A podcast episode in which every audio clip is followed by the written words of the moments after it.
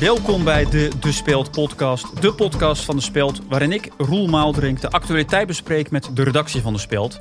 We gaan het hebben over de toestand in Amerika. Natuurlijk hebben we de laatste coronacijfers. En we bespreken de mening van Speeltredacteur en opiniemaker Thomas Hogeling. Thomas, uh, welkom. Dankjewel. Jij zit al eh, best wel lang eh, bij De Speld. Hoe lang zit je daar? Ja, het is grappig dat je dat zegt. Je kunt me denk ik wel een veteraan uh, ja. noemen. Ik zit hier al elf jaar. Zo. ja, veel langer dan jij. Het is, Ze hebben toch voor jou gekozen blijkbaar als presentator van de podcast. Ja. Hartstikke leuk voor je natuurlijk wel. Maar ja, dankjewel. Dus uh, laatste jaar natuurlijk ook veel minder tijd gehad voor de speld. Hè. Ik heb natuurlijk journalistiek werk voor de Volkskrant gedaan. Oh, waar ik ook een eigen podcast presenteer. column ook, ja. Uh, goed beluisterd. Uh, column uiteraard. Veldwerk voor de VPRO. Ja. Uh, ik heb natuurlijk altijd mijn werk nog als jurist voor de mhm. Universiteit van Amsterdam. Ja. columnist, opiniemaker, commentator, analist. Maar als je me nou echt vraagt, mhm. Thomas, waar ligt je hart? Dan ja, ja, dat doe ik niet. Maar... Dan zou ik toch zeggen strateeg. Nou, strateeg. Ehm, eh, leuk dat je er bent. Wat was jouw nieuws eh, van afgelopen week? Wat viel jou op? Het kapitool, Washington. Oh, ja. Washington DC. Ja, de bestorming. Zoals ze dat in Amerika zeggen. De bestorming. Ja, ik weet niet of je het zo moet noemen hoor. Maar uh, ja, dat, dat was denk ik toch het nieuws van de week. Ja. De onmacht die je bij die mensen zag. Want hoe keek jij naar die beelden? Dat waren natuurlijk indrukwekkende, schrikbarende beelden. Ja, dat, dat zou je zo kunnen zeggen. Nou, ik schrik vooral heel erg van dat, dat mensen zich blijkbaar zo ongehoord voelen dat ze niks anders kunnen dan hier toe overgaan. Dat uh, ja, het doet me ook heel erg denken aan mijn eigen tijd in de Verenigde Staten, waar je mensen toch mhm. ja, die onmacht voelt. Hè. Je moet ook niet vergeten, Roel.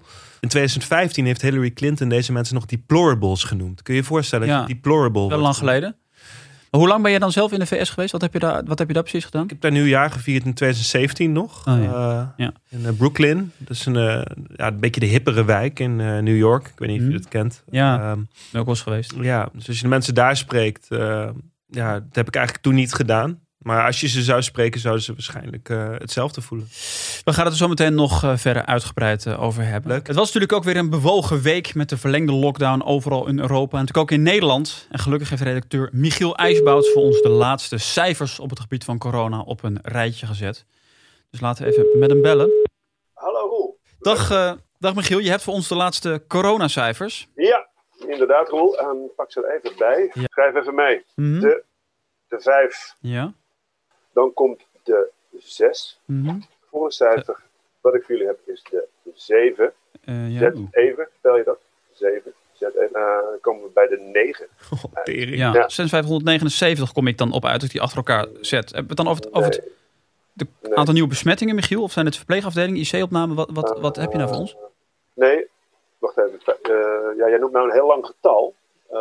5769. Ja, 5679. Nee, ik heb, ik heb, nee, daar heb ik niet op gerekend. Ik heb um, eigenlijk alle cijfers hier los uitgeprint. Nee, ja, ik wil weten wat de nieuwe coronacijfers zijn. Gisteren bijvoorbeeld lagen er 313 mensen op de IC. Dan ben ik benieuwd hoe dat dan nu vandaag ervoor staat. Ja, maar wacht even, 313 is sowieso een getal, hè? Ja, nee, goed, co coronagetallen dan. Ja. Hoe zit het daarmee? Ja. Gisteren lagen 313 ja. mensen op de IC. Hoe, hoeveel zijn dat er nu? Ja, ja oké, okay, nou, wat jij dan zegt, hè, die 313... Um, op zich is dat prima, maar dan, dan moet ik dus even naar de kopieerwinkel. Want ik heb, ik heb uh, eigenlijk maar 1 3 nu uitgeprint. Mm -hmm. uh, dus ik zou op zich voor jou 314, uh, even kijken, 4, 4, kan ik maken? Ja.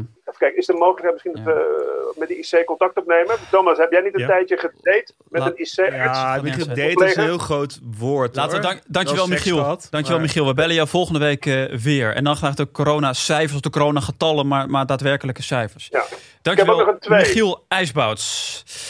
Als jij dat zo hoort, Thomas, wat, uh, wat denk je dan? Ja, ik, uh, ik ben geen viroloog. Nee. Maar we moeten ons enorm zorgen maken. En, en waarom dan? Uh, nou, dat is natuurlijk een nieuwe variant nu uit Engeland. En, oh, ja. daar um, is van bekend dat die veel besmettelijker is dan de oorspronkelijke variant die we ja. kenden. Ja. Daardoor verspreidt dat virus zich dus een stuk sneller. Oh, ja. En dat betekent dus dat het aantal besmettingen ook zal stijgen. Ja. Omdat die mutatie zich veel sneller van de ene persoon op de andere persoon overgaat dan die mutatie die we eigenlijk al kenden. Mo moeten we ons dan zorgen maken? Uh, nou ja, kijk, ik ben geen viroloog, maar je hebt natuurlijk een nieuwe variant uit, uit Engeland en uh, ook uit Zuid-Afrika. En wat daar tot nu toe van bekend is, is dat die zich sneller verspreidt. En dat betekent dus dat het eigenlijk veel besmettelijker is. Wat, hoe, hoe gaat het dat komende week ontwikkelen dan, verwacht je?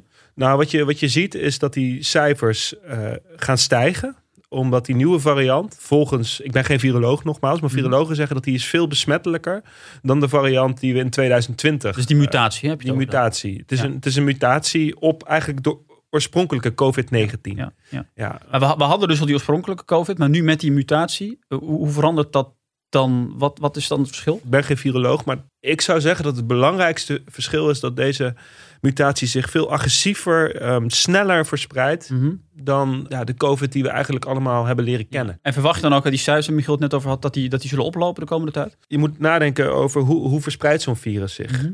En met die mutatie verspreidt hij zich dus sneller. En als je dan even door gaat denken, hè, ik ben nogmaals geen viroloog, dan zou je zeggen dat die cijfers gaan stijgen. Ja, En dat is zorgelijk. omdat die besmettelijker is. Die Die is besmettelijker, Ja. inderdaad. Ja. Ja.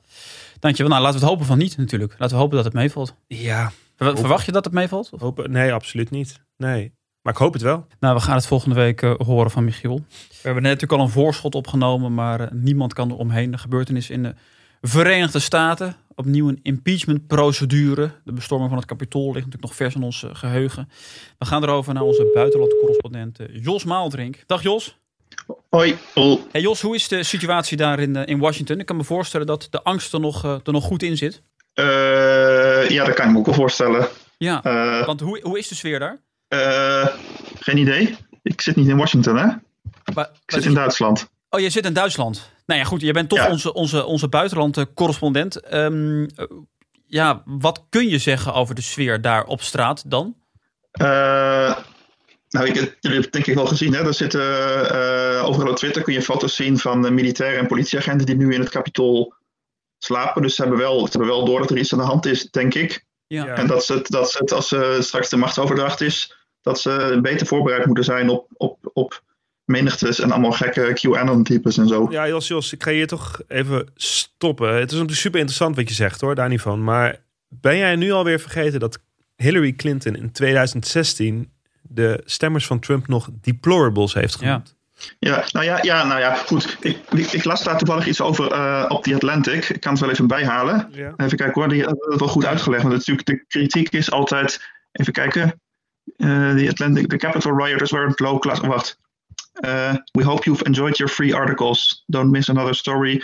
Become a subscriber today. Wacht even, ik ben door Ja. mijn eh, gratis artikelen heen. Ik kan je Moet misschien in even het in. incognito venster, dan eh, dumpt hij de cookies ook Ja. weer. Dat, dat lukt wel. Ja? Ja, die hebben, altijd, die hebben leuke stukken altijd, die Atlantic. Dus eh, Ja. ik zit altijd snel door. Maar ja, hier, wat zij in feite schrijven is dat dit geen eh, zielige, onderdrukte mensen zijn. Maar mensen die het eigenlijk altijd prima hebben gehad, het altijd voor het zeggen hebben gehad. Die nu een beetje hun rol moeten delen en dat niet kunnen trekken. En daarom de, de democratie bereid zijn op de helling te zetten. Dan kun je toch niet, dat is toch niet te, vergelijkbaar, te vergelijken met eh, dat Hillary Clinton jaren terug één keer iets lelijks heeft gezegd. Nou ja, dan zullen we misschien toch jaren terug, oké. maar laten we afgelopen jaar alleen maar bekijken, Jos. Ik weet niet of jij die Black Lives Matter demonstraties hebt gezien. Heb jij niet tijdens de bestorming een oude tweet van jezelf geretweet? We worden er wel zo meteen uitgedraaid trouwens, eh, jongens. Maar, Ja, maar waarin je zei, even kijken hoor, ja, dat, dat, dat Trump niet alleen een hele goede leider zou zijn voor Amerika, maar zelfs voor de hele wereld. Nee, eh, dat was niet tijdens, dat was ervoor. Eh, het begin van de demonstratie vond ik een prachtig signaal van steun voor een van de meest bijzondere presidenten uit de Amerikaanse geschiedenis in mijn ogen. nou, dat moet toch even gezegd Eh, worden. toen zag ik dat het verkeerd werd opgepakt en ook dat die demonstratie helemaal de verkeerde kant op draaide. Dus ik heb, toen heb ik ook gezegd, nou, law and order. En eh, dat is nog steeds ja, mijn ja. standpunt. Nou, Jos, dat is toch even jammer van je, van je eigen tijd, want wij worden er nu eh, Mijn uitgedraaid. eigen tijd. Ik, ik, Maar uitgebreid, dit, dit is toch jouw podcast? Dat kun je toch zelf... ik wil je Of bedanken. Staat, staat Melle in de Volgende week zijn we er weer met een, eh, met een nieuwe podcast. Jos, heel erg bedankt onze nog. buitenlandcorrespondent. Dankjewel. Thomas, hoe verwacht jij nou dat het verder gaat in eh, Amerika? Ja, je hebt natuurlijk nu de impeachment. Hè? Eh, het is de eerste keer dat een president voor de tweede keer wordt geïmpeached. Dat is nog nooit gebeurd en dus historisch. Het is ook de grootste meerderheid ooit in de House of Representatives die voor die impeachment heeft gestemd. Ja. Ehm, Wat verwacht je dan nu van die impeachment? Nou, het is dus voor het eerst in de geschiedenis dat een president twee keer wordt geïmpeached. Oh ja. ja. En ook nog eens met een meerderheid in het Huis van Afgevaardigden eh, die nog nooit vertoond is. Ja. Ehm, ja. En dus, dus verwacht je dat hij dan ook daadwerkelijk, dat Trump nu ook daadwerkelijk afgezet gaat worden? nou ja, het zegt wel wat dat het nu voor de tweede keer is gebeurd. Ja. Eh, dat is in de geschiedenis, naar mijn weten, nooit eerder eh, voorgekomen. Nee. Ehm, het is natuurlijk afwachten of hij ook impeached wordt. Maar wat je wel ziet, is dat er eh, in het Huis van Afgevaardigden in elk geval een grotere meerderheid is dan ooit Ja. voor die impeachment. Dus het wordt heel spannend. Het wordt absoluut heel spannend. Ja. Ja, Dankjewel, Thomas. Ja. Fijn dat je er was. Vond je het leuk? Eh, ja het is mijn werk. Cool. Tot zover de De Speld eh, podcast. Uh, steun ons en word vage kennis van de Speld op speld.nl slash vage kennis. En uh, wij zijn er volgende keer weer. Volgende week zijn we er met redacteur Vera van Zel. Tot dan. Ik vraag me wel af of mensen nog wel doorhebben hoe bijzonder het eigenlijk is dat die Trump dan uh, nou, die voor de tweede keer wordt geïmpeached. Ja. misschien moeten we daar. Ja, dat dat wel duidelijk is. Hè? Het is een beetje die, die twijfel tussen nuance en gewoon duidelijkheid. Hè? Ja. Ik weet niet. Nou. Volgens mij was dat helder. Ja, was het helder? Ja. Nou ja, als jij het zegt.